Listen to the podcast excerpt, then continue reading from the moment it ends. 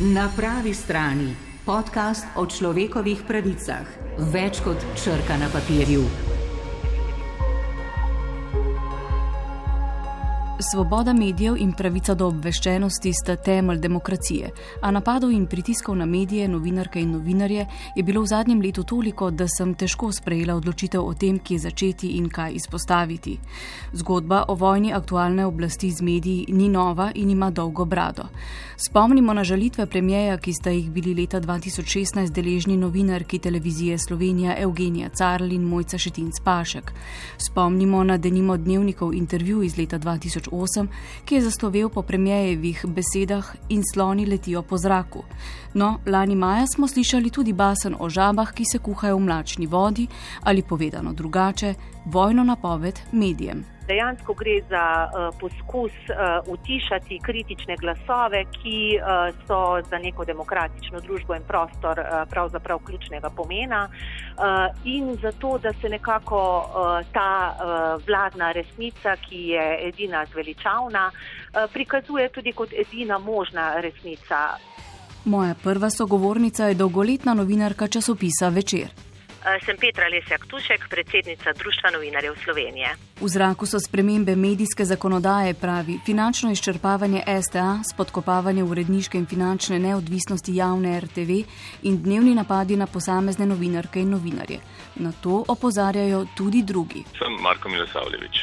Univerzitetni profesor novinarstva, ki področje dobro pozna in ga analitično spremlja že vrsto let. Očitno Slovenija in pač vlada torej aktualna vlada želi iti po poti svojega velikega ozornika, velikega vodje Viktorja Orbana z Mačarske, pa delno tudi po poti um, drugega predsednika vlade, ki je v tesni navezi z slovenskim premijem, to je seveda srpski premijer Aleksandr Vučić, ki je v Srbiji vzpostavil praktično enostrankarski sistem in seveda tudi uh, na nek način enostrankarski medijski sistem. O slednjem ve veliko pravnica in odvetnica, nekoč tudi sama uspešna novinarka in televizijska voditeljica Nataša Pirc Musar. Se mi zdi, da je strategija v ozadju na nek način ustrahovanje. Ne? Bolj kot pritiskaš na nekoga, prej upaš, da bo ta morda utihnil. Jaz temu rečem, da se določenim posameznikom poskuša natakniti na gobčnike, tudi novinarjem. Glede svobode medijev v Sloveniji se tudi v tujini vrstijo kritična opažanja. Najbolj odmevno je bilo poročanje vplivnega bruselskega spletnega medija Politico. Naš predsednik vlade je novinarko politika Lili Bajer obtožil, da laže. V Evropski uniji pa so napad nemudoma in ostro obsodili. Novinarki so v bran stopili številni kolegi, ugledni svetovni mediji in ustanove. And we are outraged uh, by the attacks of the uh, Slovenian Prime Minister. Ogorčeni smo nad napadi slovenskega premijeja na novinarko in njenega delodajalca politiko. Lili je odlično predstavila grožnje in napade na neodvisne novinarje in medije v Sloveniji. Najostreje obsojamo napad premijeja Janše na Lili Bajer in politiko. And political by Prime Minister Janša tako predsednica Mednarodnega novinarskega združenja Katalin Halmaj. Tudi v Evropski komisiji so po Janševih obtožbah ostro stopili v bran novinarjem. Sovraštva, grožen, osebnih napadov ne sme biti. Tukaj so še številni drugi kritični članki, ki so se pojavili v mednarodnih medijih na zadnje odmevan prispevek nemške javne televizije ARD. Uh,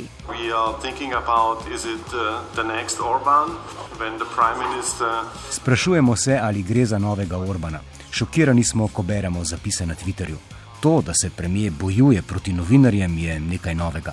Tega v Nemčiji ne poznamo. Fighting against journalists, and it's a new quality. I don't know it in Germany.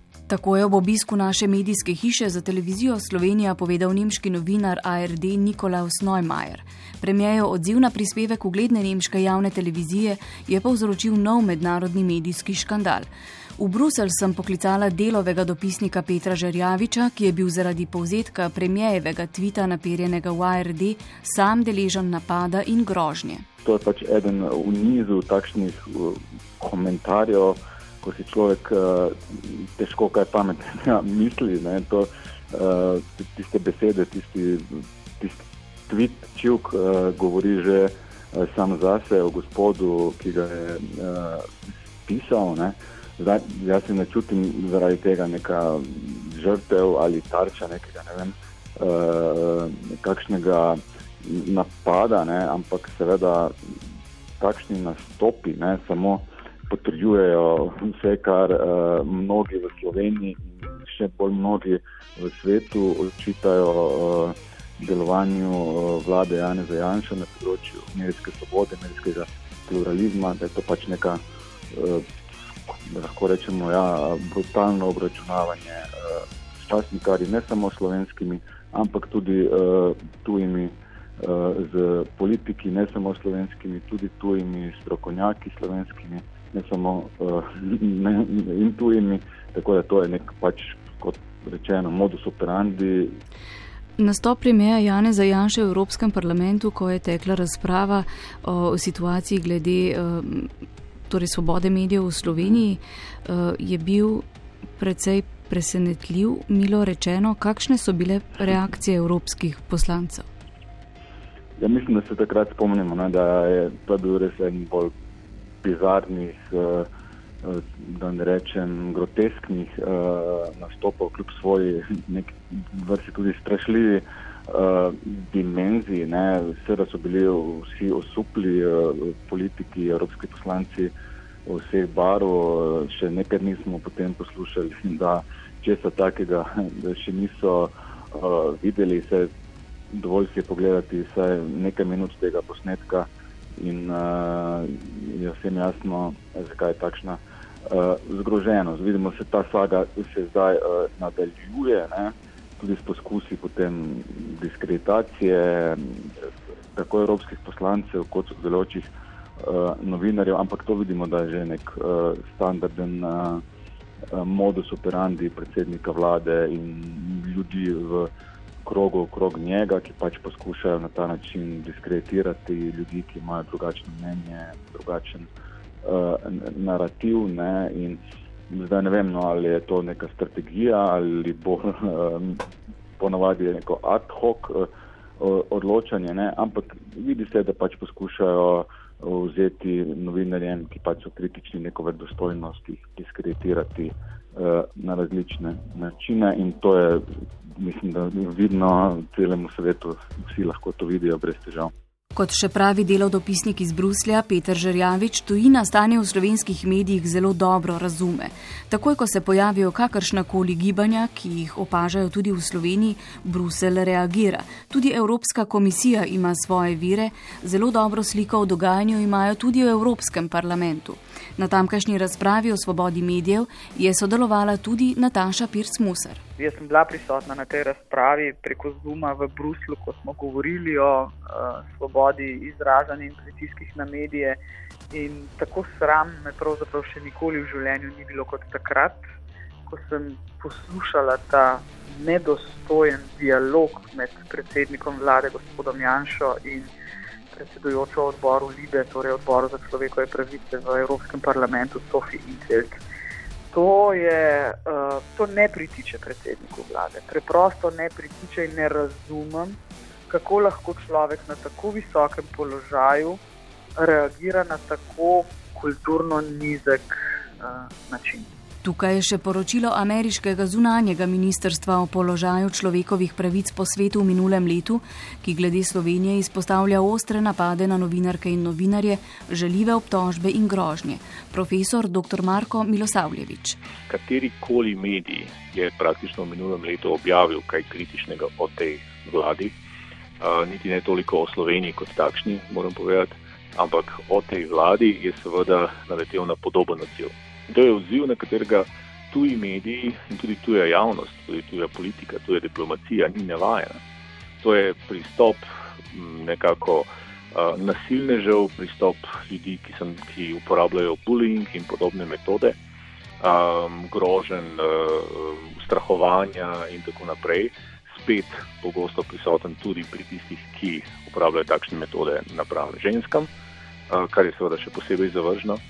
In um, te, uh, torej, te metode so nekaj, na kar pač mednarodna evropska javnost ni navajena. Gre za način grožen, način, ki ne razume medijskega delovanja, način, ki ne razume medijske vloge, ki mora biti kritična.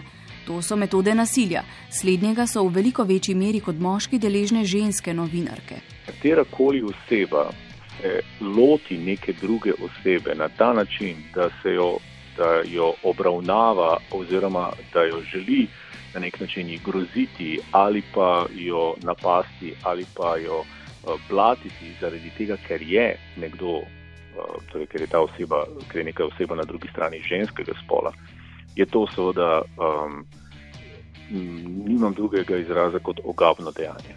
Ogabno dejanje, ki bi ga morale jasno obsoditi vse politične opcije, vse politične stranke, vse, vsi akteri v družbi od nevladnih organizacij, verskih skupnosti in tako naprej. To je nivo govora, ki leta 2021 kjerkoli v svetu, posebej pa sredi Evrope, nima mesta. To vzpostavljanje tega nekega vulgariziranja žensk, uh, seksualnega vulgariziranja, veste, sem znajdem v situaciji, ko pomislim na nekatere od teh tvitev in pomislim tudi na to, da jih je neprimerno ponoviti da so to tako vulgarni tviti, tako neokusni tviti. In če smo prišli tako daleč, da ljudje iz sfere politike, iz vlade, iz pozicij moči na tak način govorijo o ženskah, komunicirajo z ženskami, ali so to urednice, novinarke ali pa druge političarke ali pa vem, tožilke, sodnice, kdorkoli že je, ne, uh, to je seveda kot prvo, seveda znak lastne zafrustriranosti teh ljudi, lastne kompleksnosti, lastne, lastne majhnosti teh ljudi, v dobesednem in metaforičnem pomenu. Tudi Društvo novinarjev Slovenije je v svojem zaključnem poročilu povdarilo, da so napadi na novinarke v Sloveniji veliko bolj grobi, vulgarni, da potekajo na osebni ravni. Novinarke se brezsramno obklada z vulgarizmi, ki so nevredni, da bi jih ponavljali v radijski eter. Drži, ni jih vredno ponavljati. In vse to, kar poslušajo, oziroma morajo poslušati te novinarke, kaže samo na podobo tistega na drugi strani.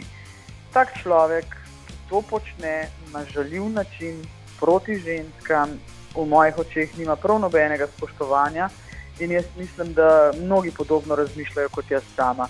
Veliko krat sem tudi že rekla, kadar nekdo meni da opasko o moji frizuri ali o moji kilaži, recimo, ne, v tistem trenutku vem, da sem zmagala. Da nimajo popolnoma nič drugega kot diskreditacije na, na, na, na, na nekem osebnem izgledu ali pa po napadih na pripadnice rekla, ženskega spola.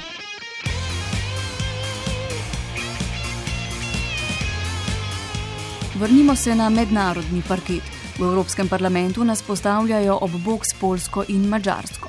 Tuji mediji poročajo o destabilizaciji slovenskih medijev po mačarskem modelu. Eh, gre tudi za močne kapitalske povezave, ki presegajo eh, zgolj slovenski medijski prostor. Eh, vidimo tudi mednarodne navezave, ki niso zanemarljive.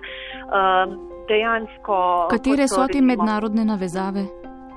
Eh, dejansko, kot so zlasti kolegi pod črto v zadnjem obdobju raziskovali, eh, ko so preučevali tudi lasništvo medijev, eh, so kar dobro nakazali smeri, ki jih tudi medijska stroka pri nas zdaj že večkrat in pogosto izpostavlja.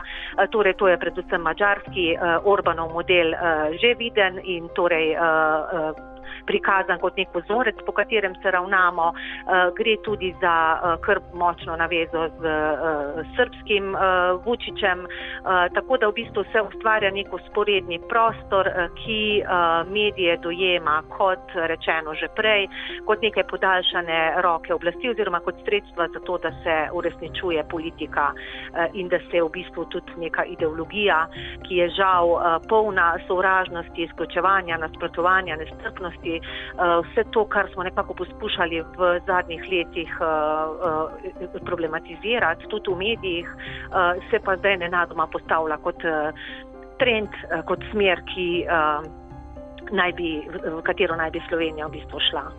Kar se mi zdi pač tudi. Da ne more biti sprejemljivo ne samo za medijski prostor, za, uh, ampak za celo družbo.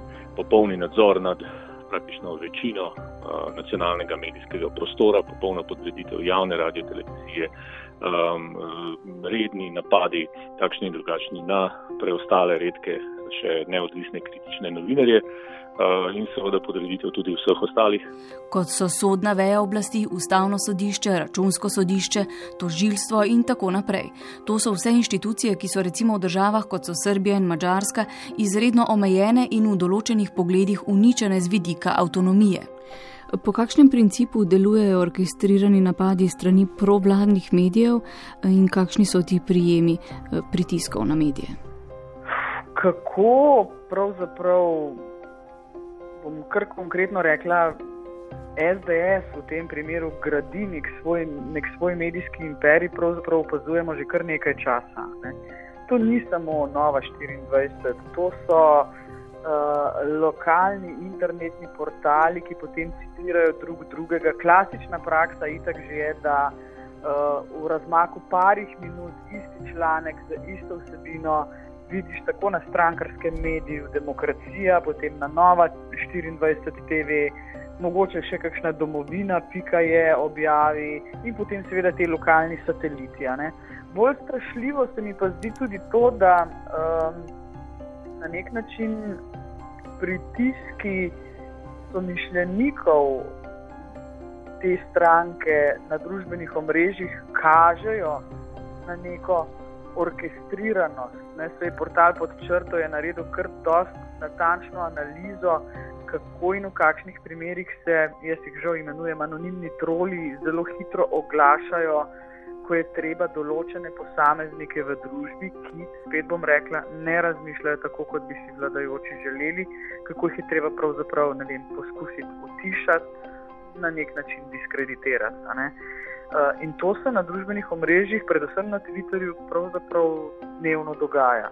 Namen je pač enostavno utišati ljudi, ki so lahko en trenutek je to lahko nek ustavni sodnik, drugič je to lahko predsednik računskega sodišča, tretjič je lahko to ugledna kuharska mojstrica, četrtič je to lahko pesnik, petič je to lahko igralec, šestič je to lahko športnik, eh, zdravnik, policist.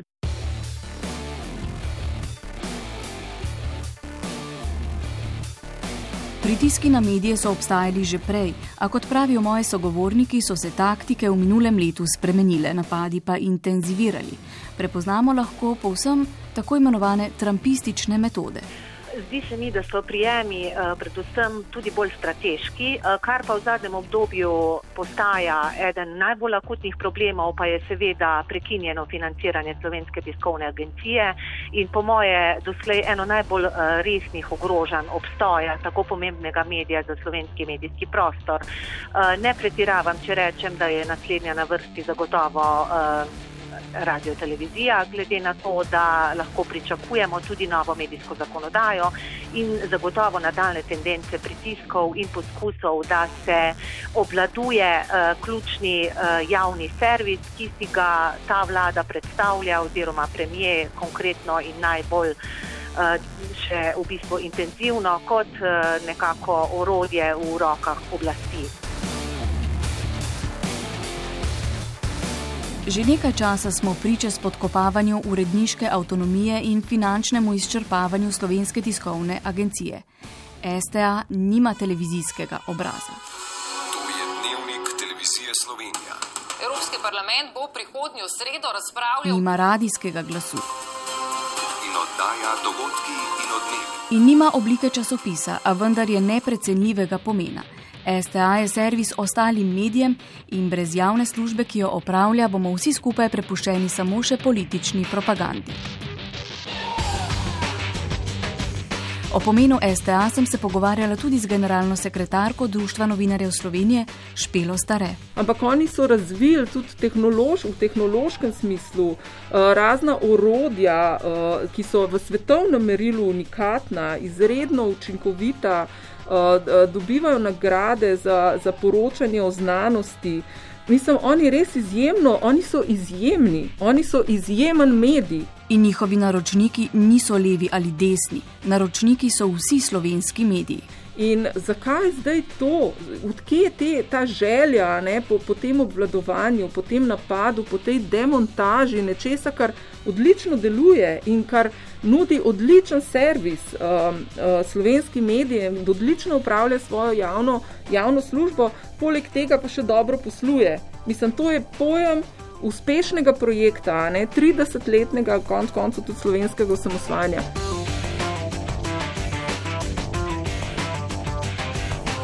Poklicala sem tudi novinarskega kolega na STA, Mihajla Šuštaršiča, ki pravi, da s kolegi samo čakajo, da preprosto ugasnejo. Situacija je že zelo resna. Um, smo kar precej letargični. Ne? Um, nekako dani v usodo. Ne. Pripravljamo se v bistvu na nek stečaj po nesreči, ne, ko, ko bomo pač samo ugasnili, pa, pa se bomo znajdeli na zavodu. Zdaj, veste, če bi res bila to če bi bilo to podjetje, ki eh, vem, dela slabo, ne ustvarja nekega dobička na trgu, um, da ne vem, je polno nekih mahinacij, kar nam učitajo, ne, uh, ne, vem, ne, bi, ne bi rekel ničesar. Ne. Vendar je STA podjetje, ki posluje dobro. Predsednik vlade pa je STA označil za ventilator lažnih novic, ko so objavili novico o dvigu plač ministrov. Tudi Miho Šuštršiča, tako kot ostale sogovornike, vprašam, zakaj. Namen tega, kot jaz to vidim, je zasejati dvom v to, da zastonti pa že niso rekli, da si nekredibilen. Ne? Ker tako se pa niso oni spomnili tega. Zihar si jih s čim razjezu. Ne? Nekako gremo uh, v smeri kot ko pijanec pretepa vem, svojo ženo in otroke, se zmeraj najde nekdo, ki reče: Ja, zakaj pa ni bila tih, ne, zakaj ga je pa izzivala. Ne. Nekako v tej smeri se mi zelo premikamo. Um, se, v bistvu mediji se vse čas nekako mikamo nazaj, ne znamo prav um, se postaviti v bran. Um, smo vedno v defenzivi, vedno moramo mi razlagati, eh, da ja, vsi eh, standardi so bili tukaj spoštovani, kaj pa je bilo tukaj narobe. A ste lahko konkretni, zakaj vas pa to moti? Ne? On pa samo pravi, vi ste fake news, sram vas bodi. Ne? Vsi sogovorniki se strinjajo, da je v ozadju želja po diskreditaciji novinarstva. Jaz osebno imam recimo,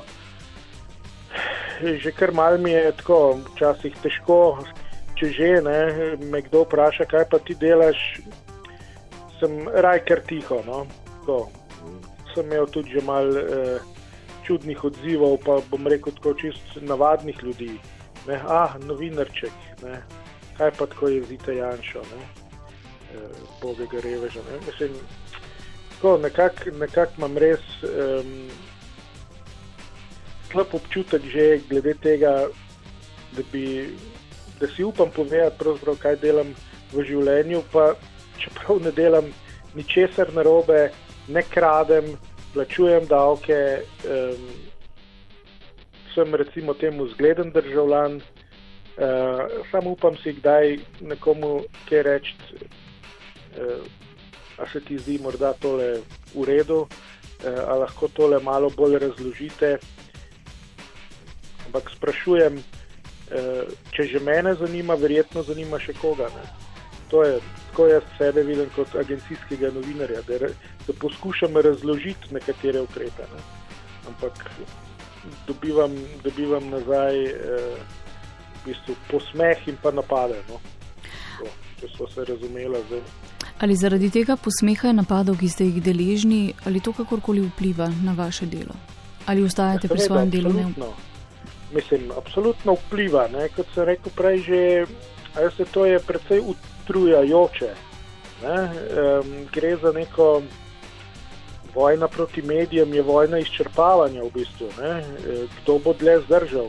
To, to zdaj zelo nazorno lahko vidite na primeru STA. Ne? Koliko časa bo STA še zdržala brez eh, plačila države eh, za javno službo? kar je eden najpomembnejših dohodkov STA. Pa ne zaradi tega, ker je STA tako nesposobna, ampak eh, ker tako pravi zakon, ki ga je sprejel državni zbor.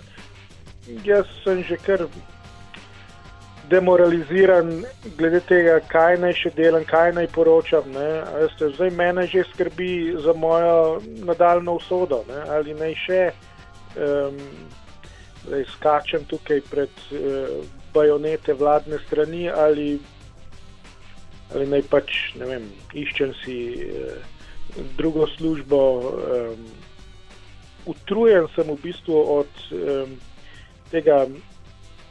Vem, boja proti mlinom na veter. Ne? Danes pa v solo nikakor ni dobra. Odgovarja na vprašanje, kako naprej Nataša Pirc Musar. Apeliram na vse svoje nekdanje novinarske kolege, da so prav oni tisti, ki morajo biti prvi branik pravice do svobode izražanja. To je vaše poslanstvo, ne pozabite na to. Vem, da je težko, ampak je treba te pritiske zdržati in tako kot ste vi rekli, profesionalno opravljati svoje delo naprej. To je edino, kar nam na koncu ostane. Absolutno je potrebno profesionalno poročanje tudi vnaprej, brez tega pravzaprav novinarstvo tudi ne more obstati in mislim, da to mora ostati naprej osnovno vodilo novinarskega dela, se ravno zato so novinari ali smo novinari trn v peti. Trn v peti in temelj demokracije. Političnih pritiskov pa nismo deležne le novinarke in novinari, temveč tudi nevladne organizacije ter neodvisne institucije, katerih delo je nadzor vlade, zaščita vladavine prava in človekovih pravic. O vsem tem pa prihodnič. Če vse skupaj sešteješ, ugotoviš, da je pod resnim pritiskom pravica do svobodnega življenja. Pod slišano se podpisujeva Gašper Loborec in Tita Majer.